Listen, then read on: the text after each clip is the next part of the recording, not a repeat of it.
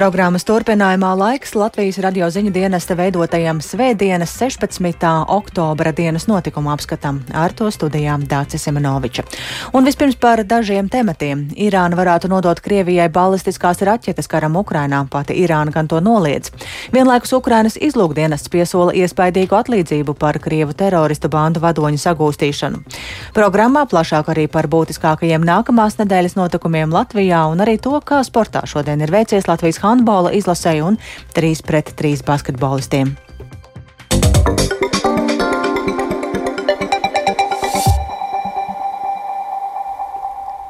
Irāna varētu nodot Krievijai balistiskās raķetes un bezpilota lidaparātus kara darbībai Ukrainā. Par to ziņo izdevums The Washington Post, taču Irānas puse šādu informāciju noliedz. Vienlaikus Ukrainas izlūkošanas pārvalde ir izsludinājusi iespaidīgu atlīdzību par bijušā Donetskas tautas republikas tā sauktā aizsardzības ministra un kaujinieku komandiera Igora Girkina sagūstīšanu.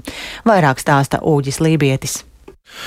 Pēc tam, kad vakar tika saņemtas pirmās ziņas par Krievijas spēku ierašanos Baltkrievijā, šīs valsts aizsardzības ministrijas pārstāvji ir publiskojuši datus par to, cik liels būs apvienotā grupējuma Krievu kontingents. Proti, tie būs 9000 karavīri. Pieejamajos video redzams, ka ar vilcieniem Baltkrievijā turpina ierasties militārā tehnika ar īpašu jaunu marķējumu. Vienlaikus tiek saņemtas ziņas par Krievijas gaisa spēku iznīcinātāju ierašanos Baltkrievijā. Līdzīgi kā bažas par iespējamiem triecieniem Ukrainai no Baltkrievijas puses, pēdējā laikā izskan minējumi arī par to, ka Krievijā ar vien aktīvāk izjūt raķešu trūkumu. Īpaši pēc masveidīgiem triecieniem, kādi pret Ukrainu tika raidīti šīs nedēļas sākumā. Kā ziņo laikraksts The Washington Post, Irāna gatavojoties nodot Krievijai savas balistiskās raķetes. Runa ir par vidējas darbības rādījus raķetēm Fateh 110 un Zofahga, kas spēj sasniegt mērķus 300 līdz 700 km attālumā. Tāpat izdevums norāda, ka Krievijai ir paredzēts piegādāt vairākus desmitus bezpilota lidaparātu Mohadžer 6, kā arī lielu skaitu Ukrainā jau izmantoto pašnāvnieku dronu.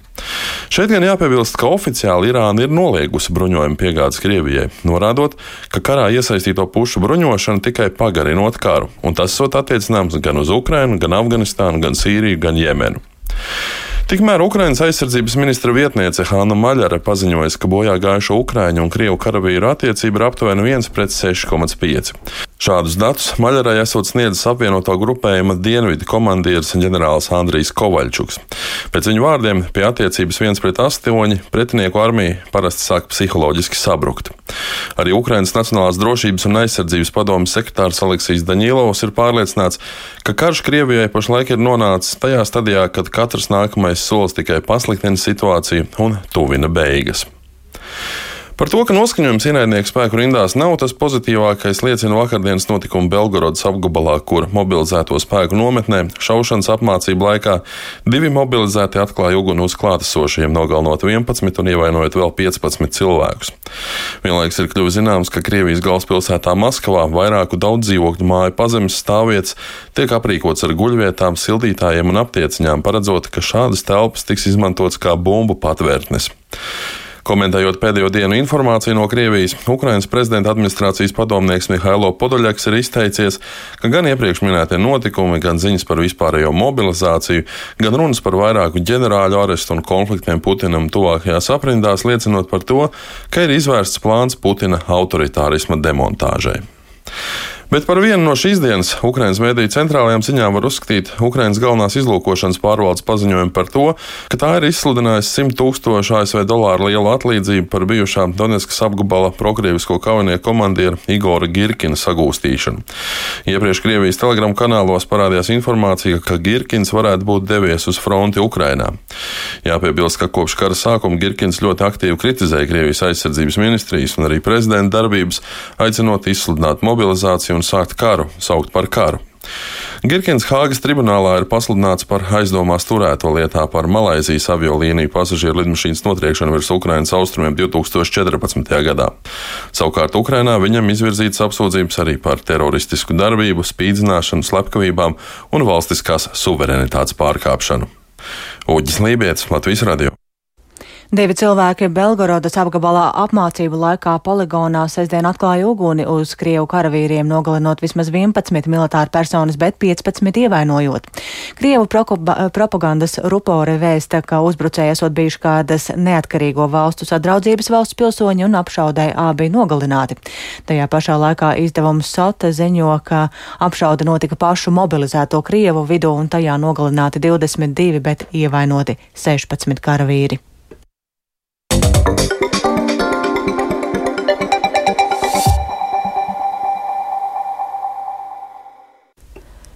Nākamā nedēļa Latvijā paies sarunu un viedokļu apmaiņas zīmē. Turpināsies koalīcijas veidošanas sarunas, un savukārt eksperti diskutēs par to, kā palīdzēt bērniem ar uzvedības problēmām. Visa centrā valsts kontrolas revīzijas ziņojums. Savukārt nedēļas noslēgumā paredzēta Rīgas konference. Par šiem un citiem notikumiem plašāk stāsta Linda Spundiņa. Pirmdien Centrālā vēlēšana komisija lems par 14. saimas vēlēšana rezultātu apstiprināšanu. Līdz šim CVK ir saņēmusi sūdzības saistībā ar vēlēšanu rezultātiem, kopumā no četru partijas saskaņa un partijas tautas varas spēks deputātu amata kandidātiem. CVK atteica pārskatīt par saskaņas sarakstu nodotās vēlēšanu zīmes. Partija vērsās augstākajā tiesā. CVK līdz pirmdienai par to jāsniedz paskaidrojumi.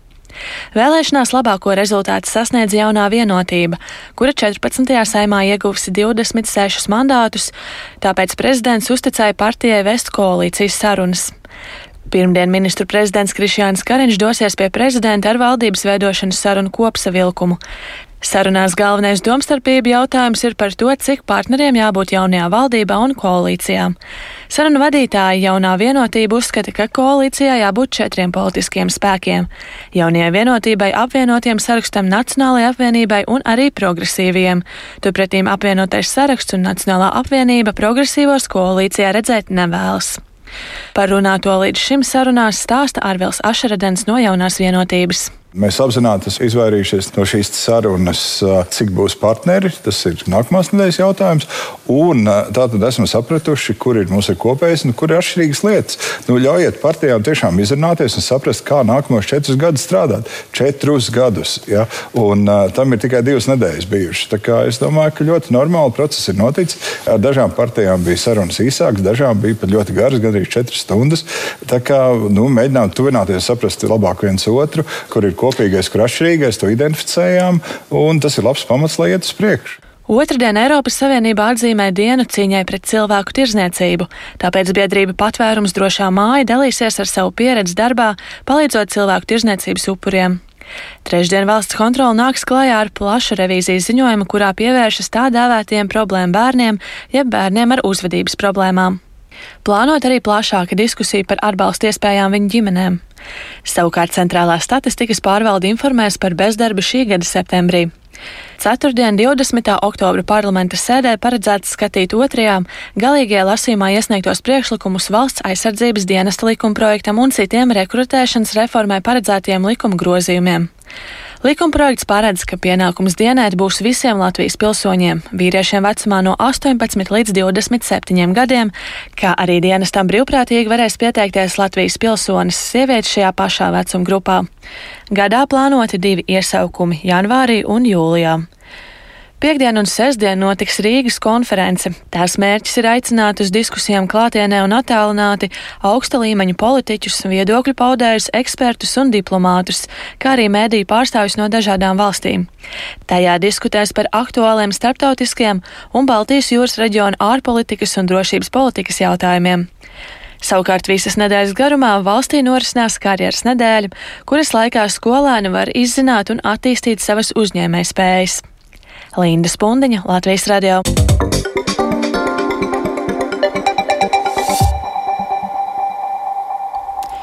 Un kā ierasts nedēļas nogalē, tad šis ir laiks, kad dienas notikuma apskatā pievēršamies sporta notikumiem, lūkojot, kā veicies mūsu sportistiem. Un šodien sporta notikuma centrā gan handbolisti, gan arī 3 pret 3 basketbolisti, bet ne tikai. Šodien Latvijas handbola izlase aizvadīja Eiropas čempionāta kvalifikācijas turnīra otro spēli pret Poliju, tāpat arī turnīru pabeidza Latvijas 3 pret 3 basketbolisti, bet nav jau nākamajam turnīram Meksikā gatavojas Eļona Ostāpenko. Plašāk par to visu zina stāstīt kolēģis Māris Bergs. Latvijas handbola izlase Eiropas čempionāta kvalifikācijas otrajā mačā ar 19.37 atzina Polijas valsts vienības pārākumu. Mača sākumā Latvijas komanda līdzvērtīgi turējās pretī poļiem, taču puslaika vidū, sākoties spēlētāju maiņām, poļiem izdevās iekrāt dažu vārtu pārsvaru. Dodoties puslaika pārtraukumā, Polijas valsts vienība bija priekšā ar 13-9. Otrajā puslaikā Latvijas ilasē spēle pa galam nevedās. Augumā ražanie poļi regulāri apturēja Latvijas uzbrukumus uzvaras un piespieda mūsējos kļūdīties saspēlē, kamēr paši realizēja savas iespējas uzbrukumā, nodrošinot pārliecinošu uzvaru. Rezultatīvākais Latvijas sastāvā ar pieciem vārtu guvumiem bija Nikita Pančenko, kurš sarunā Latvijas radio uzsvēra, ka visai komandai daudz jāstrādā un jāapgūst jaunā spēles sistēma. Ir jāturpina trenēties eh, daudz, daudz un dikti visiem, kas ir gan kandidātos, gan uh, gan tajā paplašinātajā sarakstā. Un jāievēro tās lietas, ko no mums prasa treneris, jo mēs sākam spēlēt pilnīgi citu handbolu, spāņu, spāņu tā teikt, handbolu. Viņš diezgan atšķirās no tā, ko mēs spēlējām iepriekš. Un pa nedēļu nav reāli iemācīties pa jaunu spēlēt handbolu, to, ko treneris grib. Mēs cenšamies, bet viņam jāsaprot, ka visi pilnībā ir amatieri, kas ir Latvijas izlasē, izņemot Daini, kurš šobrīd arī te nav. Tāpēc eh, nu, jā, es domāju, jāturpina vienkārši trenēties un nedrīkst aizmirst to, ko mēs darām katru dienu, mēs, ko mēs pavadām izlasē, ir jāpieraksta to, ko mēs arī darām, un uh, vienmēr ir jāatcerās. Eiropas čempionāta kvalifikācijas turnīrs turpināsies marta sākumā, kad Latvijas handbolistiem nākamajā spēlē būs jātiekas ar Itāliju. 2024. gada Eiropas čempionātam handbolā patiešo kvalificēsies katras grupas divas labākās komandas, kā arī četras no astoņām labākajām trešo vietu ieguvējām. Pasaules tūres Challenger līmeņa turnīra finālā Dienvidkorejā pirmo vietu izcīnīja izcīnīja Rīgas 3-3 basketbolisti. Pusfināla mačā Rīgas komanda galotnē atspēlēja 3 punktu deficītu un ar 21-20 pieveica spēcīgo Serbijas komandu Limanu. Uzvaru ar tālmetienu atnesa Nauris Miezis. Turklāt šis metiens atnesa ne tikai vietu finālā, bet arī biļeti uz Rijādas Masters līmeņa turnīru sacensībām Saudārābijas galvaspilsētā notiekot 11. un 12. novembrī. Finālā Rīga komanda ar 21-15 pieveica Vīnes komandu komandu no Austrijas, savā kontā Latvijas basketbolistiem ierakstot vēl vienu titulu pasaules tūrē. Finālā ar 11 punktiem rezultatīvākais bija Edgars Krūmiņš. Meksikas pilsētā Guadalajarā nākamnedēļ notiks sezonas pēdējais WTA 1000 punktu sērijas turnīrs, un tur startēs arī Aļona Ostapenko. Latvijas tenisiste izlozē gan vēl nenoskaidroja, pret ko tieši viņai būs jāspēlē pirmajā kārtā. Izloze lēma, ka Ostapenko pirmajā kārtā cīnīsies ar kādu no kvalifikācijas kvalifikācijas uzvarētājām, un pretiniece noskaidrosies tikai pēc kvalifikācijas noslēguma. Gvadalaharā nespēlēs vairākas pasaules vadošās tenisistes, tostarp visas trīs pasaules ranga līderis. Tenisistēm šī būs faktiski pēdējā iespēja nodrošināt dalību sezonas fināla turnīrā, kas novembra sākumā notiks ASV pilsētā Fortvortā. Šajā turnīrā spēlēs tikai sezonas astoņas labākās tenisistes, un Ostapenko jau kvalificējusies dubultspēļu fināla turnīram kopā ar Ukrainas tenisisti Ludmilu Kičēnoku. Lai kvalificētos arī vienspēlēm, Ostapenko jāuzvar Guadalajarā, tomēr tenisistas sniegums pēdējos turnīros neliecina, ka viņai tas šobrīd būtu pa spēkam. Par jaunāko sportā ziņoja Māris Bergs.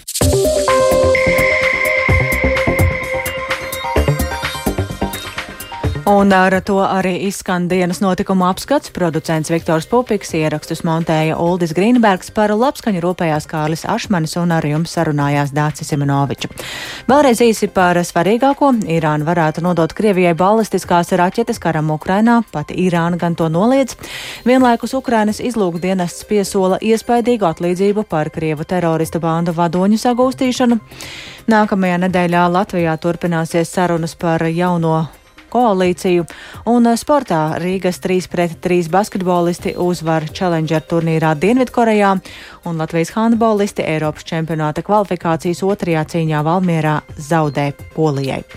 Mūsu ziņām var sekot līdzi arī Latvijas Radio 1 Facebook lapā, arī sabiedrisko mediju ziņu portālā LSMLV, tāpat arī raidījuma atkārtojums ir meklējams raidierakstu platformā kā dienas ziņas, un ir pieejama arī Latvijas radio mobilā lietotne, lai klausītos mūsu raidījums savā vietā runī, jebkurā laikā un jebkurā vietā. Yeah.